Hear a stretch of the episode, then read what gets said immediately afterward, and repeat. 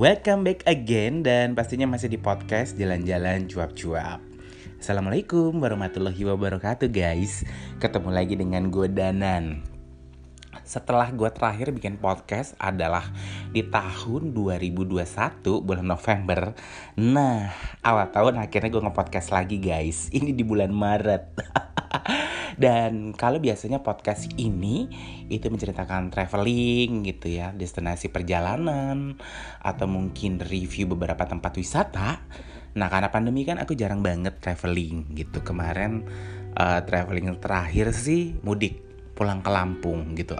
Finally lah gitu gue banyak uh, spending time dengan keluarga gitu di awal tahun dan itu lumayan sih berkesan gitu karena memang udah lama banget ya nggak pulang gitu. Nah ada kejadian guys gitu. Jadi kan gue uh, memang sekarang untuk uh, aktivitas sebagai travel blogger memang tidak seperti dulu gitu. Karena memang gue nggak sering jalan kemudian juga nggak banyak banget yang namanya undangan.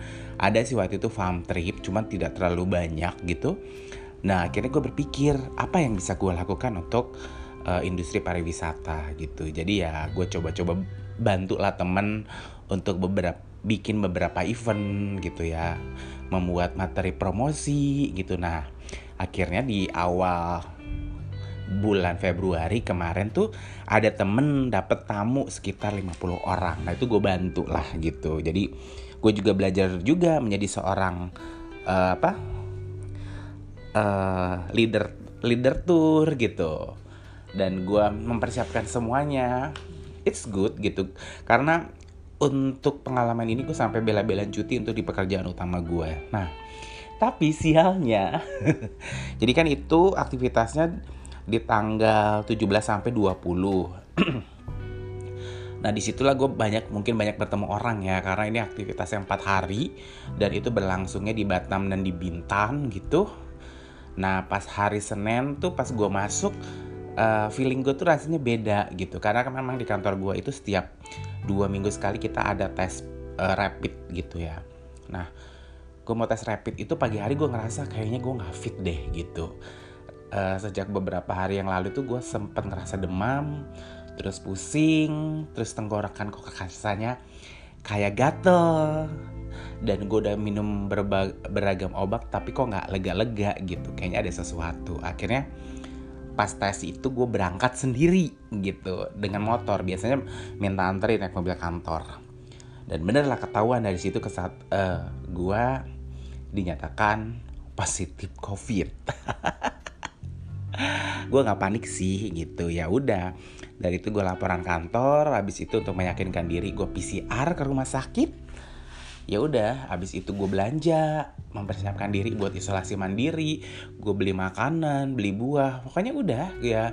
Gue siap-siap untuk isolasi mandiri. Begitu itu pokoknya jam 12 sudah selesai lah. Gue udah masuk ke kosan gue gitu dengan semua amunisi dan stok makanan. Nah jam sore uh, akhirnya hasil PCR keluar dan memang benar gue dinyatakan positif. Ya udah akhirnya disuruhlah dengan kantor untuk melakukan isolasi mandiri. Ini lewat nih satu hari satu malam gitu. Gue sih rasanya baik-baik aja tapi kok tetap yang namanya tenggorokan dada-dada itu kayak nggak lega gitu. Nah malamnya uh, rasanya sesek banget gitu. Dan gue tuh kayak emang kayak kehilangan apa ya salahnya waktu itu oximeter sama sama termometer gue ketinggalan di kantor. Jadi gue nggak bisa ngetes suhu dan oksigen gitu. Tapi gue ngerasa kok kayak gue kayak lemot gitu. Jadi kayak lo tau gak sih kayak kalau lo naik gunung terus lo kayak kehilangan oksigen itu kayak nggak bisa konsentrasi gitu. Kayak suka namanya naik motor mau belok ke kiri jadi belok ke kanan kayak kayak gitulah. Nah akhirnya karena udah nggak ketahan lagi sesak napas uh, ya gue akhirnya ke rumah sakit lah gitu. Untuk memastikan minimal kalau gue uh, ada sesuatu itu bisa ditangani dengan cepat atau diberikan obat-obatan. Karena ketika memutuskan untuk isolasi mandiri ya gue juga nggak ada obat-obatan gitu. Hanya mengandalkan vitamin dan makanan aja. Gue mau sebutin rumah sakit. Di rumah sakit A gue dicuekin sampai 3 jam. Itu di UGD eh nggak sampai UGD gue tuh sampai nanya ini tolong dong saya ada masalah ini. Terus si petugasnya cuma bilang kayak gini kayak mana? Kami udah udah penuh. Terus mau dimanain lagi? Tunggulah gitu. Gue tunggu sampai tiga jam tuh udah nggak sesak napas gitu. Nggak ada uh, apa ya nggak ada tindakan sama sekali. Akhirnya ya gue cari alternatif dong. Gue cari uh, rumah sakit lain gitu. Dan alhamdulillah di rumah sakit ini gue ditangani dengan baik gitu ya. Jadi begitu gue ketahuan terus dicek gitu. Ternyata uh, tensi gue tinggi banget sampai 200 nah itu kan berarti udah ada implikasi kan maksudnya ini ngaruh ke organ-organ yang lain gitu. Nah oksigen gue kayaknya juga rendah waktu itu. Akhirnya gue dibantu dengan oksigen dan akhirnya ditetapkanlah malam itu gue harus opname gitu. Dan gue nggak kasih tahu uh, apa ya awalnya sih gue nggak kasih tahu siapa-siapa gitu tapi akhirnya kan pihak rumah sakit uh, menyuruh gue untuk uh, siapa nih yang akan menandatangani dokumen gitu. Akhirnya gue suruh teman gue lah datang gitu buat mengurus. Itu udah di jam 12an gitu. Akhirnya gue malam itu resmi di tanggal berapa ya waktu itu? Pokoknya gue resmi lah gitu. Jadi uh, pasien covid gitu gue gak ngerti ya. Tadi itu gue udah bilang e, bayarnya pakai apa pak? Bisa pakai asuransi. Oh ternyata ini gratis ya gitu program pemerintah. Ya udah akhirnya gue masuk itu di hari Selasa tanggal 22 ya udah dari situ gue mendapatkan perawatan yang lumayan intens lah gitu. Sampai diinfus di oksigen terus dipantau lah. Yang mungkin sih gue mesti bersyukurnya adalah kondisi gue terpantau di rumah sakit gitu. Daripada gue di kosan tidak terpantau gitu kan. Ada sesuatu yang salah kan nggak nggak ketahuan gitu ya. Gue pikir juga gitu sih. Kira terus sampai beberapa hari kemudian barulah oksigen gue dilepas.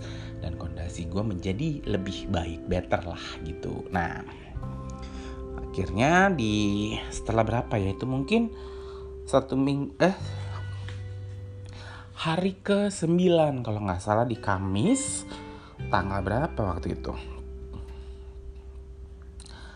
Di tanggal 3 atau tanggal 4 gitu uh, apa namanya itu kan udah hari ke-9 gua di PCR gitu. Janjinya dokter besok keluar gitu di hari ke-10 karena gini kondisinya gini kondisinya gue kan memang udah stabil gitu. Tapi kan diharapkan memang uh, tidak ada virus ya atau kadar CT-nya di atas 30 biar tidak menularkan ke orang lain gitu. Nah akhirnya dari 10 itu ternyata hasilnya belum keluar.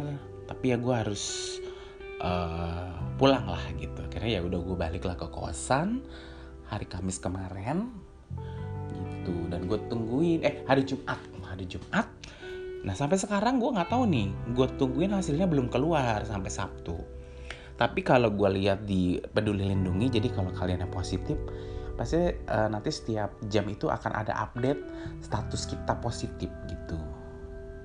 Itu setiap jam. Nah sejak kemarin hari Sabtu jam 2 dini hari itu udah nggak ada lagi gitu ya. Gue berharap sih uh, emang beneran negatif gitu. Tapi gue kan penasaran ya, kepo lah gitu, pengen uh, tahu lah kondisi gue seperti apa. Gue tanya ke uh, rumah sakit gitu. Dan kata rumah sakit bukan pihak mereka yang akan menginformasikan tapi puskesmas terdekat di lingkungan tempat tinggal gue gitu. Dan gue tunggu sampai detik ini gue tanyain itu nggak ada kabar gitu. Karena jujur kalau city gue udah di atas 30 gue akan lebih pede untuk keluar gitu. Sekarang gue belum berani gitu. Karena ya oke okay lah secara fisik mungkin gue sehat tapi kan gue masih sebagai carrier semak uh, pembawa yang namanya virus gitu. Gitu sih. Jadi gue sekarang juga masih soman gitu. Berharaplah hari ini ada informasi jadi gue juga bisa balik uh, ngantor. Jujur sih bosen banget gitu. Gue juga bosen banget gitu. Karena sebenarnya banyak aktivitas yang nggak bisa gue lakukan. Mungkin ini cara Tuhan ya buat gue biar lebih uh, istirahat aja gitu. Karena memang sebelum pandemi pola tidur gue juga berantakan. Tapi sekarang oke okay sih. Tidur gue oke okay, gitu. Gue juga nggak mungkin karena uh, tensi atau tekan darah dia terjaga gitu. Gitu. Gue dari sini sih gue belajar bahwa memang sih di dari awal 2020 gue emang kalau bilang overprotective overprotective. Jadi gue tuh pokoknya sampai gelombang kedua gue tuh beneran yang nggak ke mana-mana gitu yang uh, bener-bener nggak makan aja gue beli. Maksudnya uh, kalau nggak masak sendiri gitu. Nah memang sejak bulan Januari kemarin gue udah agak-agak nakal guys gitu. Jadi gue udah makan itu keluar keluar itu sehari bisa dua kali gitu dan lebih banyak berhubungan dengan banyak orang. Tetap sih gue prokes gitu tapi lebih banyak ke area publik memang gitu. Nah dari sini gue dan sialnya gitu ya kenapa ya? Dan mungkin gue lebih pede kemarin itu karena gue udah divaksin dua kali gitu. Gue lebih confident aja gitu. Gue pikir ya masa sih uh, kemarin tuh aja gue nggak kena gitu ya terus ini masa udah divaksin dua kali gue uh, kena gitu. Padahal di minggu gue positif itu gue sedang menunggu jadwal untuk booster. Ya mau nggak mau harus tunggu tiga bulan lagi nih. Gitu. Itu sih pengalaman gue di tahun 2022 yang pokoknya jujur banyak banyak plan yang berantakan. Salah satunya adalah rencana buat traveling. Sebenarnya di akhir Februari gue mau traveling ke Bali ketemu dengan teman kuliah gue kemudian ada rencana juga untuk uh, island hopping di sekitar Kepri gitu. Gue mau ke Lingga sama teman-teman gue dan itu semuanya bubar gitu. Ya mungkin Tuhan uh, menginginkan gue lebih jinak lah ya gitu. Karena jujur sih walaupun terlihatnya juga di awal-awal dan pertengahan pandemi kemarin itu gue jinak gue ada citing-citing juga. Gue sempet jalan-jalan ke mana ya? Kalau ke Bogor dan ke Jakarta waktu itu kan memang legal lah gitu maksudnya. Gue ada training dua minggu gitu. Nah yang agak cheating adalah sebenarnya di tahun baru 2021 gue sempet jalan-jalan ke Padang dan itu gue nggak bilang ke siapa-siapa itu kondisinya juga masih lumayan sih tinggi kan gitu. Ya pelajaran aja sih gitu. Jadi tetap waspada. Dan gue berharap sih uh, semua kan jauh lebih baik lagi gitu ya better gitu. Dan mungkin gue di podcast ini ya gue mengaku bersalah. Jadi jujur pas bawa tamu itu di 17, 18, 19 itu kan 20 di 18 itu gue ngerasain bahwa badan gue agak demam dan tenggorokan gue sakit banget. Sakit banget itu tapi tapi ya gue pikir karena gue bawa tamu gitu ya ya gue jadi gue yang ngurusin hotel dan sebagainya gitu. Memang sih gue nggak satu bis dengan mereka kebetulan sih kita itu di kendaraan yang berbeda. Jadi memang gak ada kontak lah gitu. Dan alhamdulillahnya pas di hari minggu ngantar tamu gue ke bandara gitu kan kita juga melakukan namanya rapidnya dari sabtu itu tamu gue semua negatif gitu. Nah, gimana kalau mereka positif? Gitu. Beruntung sih itu gue juga harus harus harus berpikir ya. Gitu.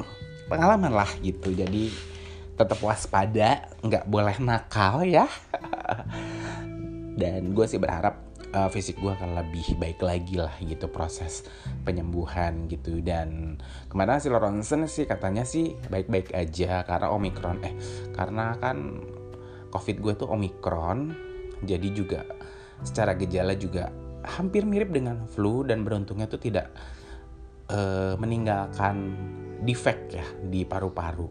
Karena beberapa uh, kalau delta itu katanya juga meninggalkan defect di paru-paru dan beberapa organ gitu sih. Well guys, ini curhatan gue tentang pengalaman gue karena uh, omikron dan memang selama gue dirawat gue nggak update media sosial. Termasuk informasi ini juga gue hanya berikan kepada orang-orang terdekat gue aja gitu. Takutnya kan heboh. Gue habis bawa tamu tiba-tiba gue positif gitu kan. Nah gitulah ceritanya guys. Semoga ini bisa memberikan apa ya pengayaan batin ya bagi kita semua. Yowis terima kasih udah ngedengerin curhatan aku selama seperempat jam. Dan kalau ada kata-kata yang kurang berkenan, minta maaf ya. Jangan lupa juga guys untuk uh, ngulik-ngulik nih blognya aku di www.dananwahyu.com Walaupun nggak ada tulisan traveling, tapi aku selalu mengupdate semua aktivitas, pengalaman selama pandemi itu di blog aku termasuk di channel YouTube aku Danan Wahyu. Dan akhir kata, aku mengucapkan wassalamualaikum warahmatullahi wabarakatuh.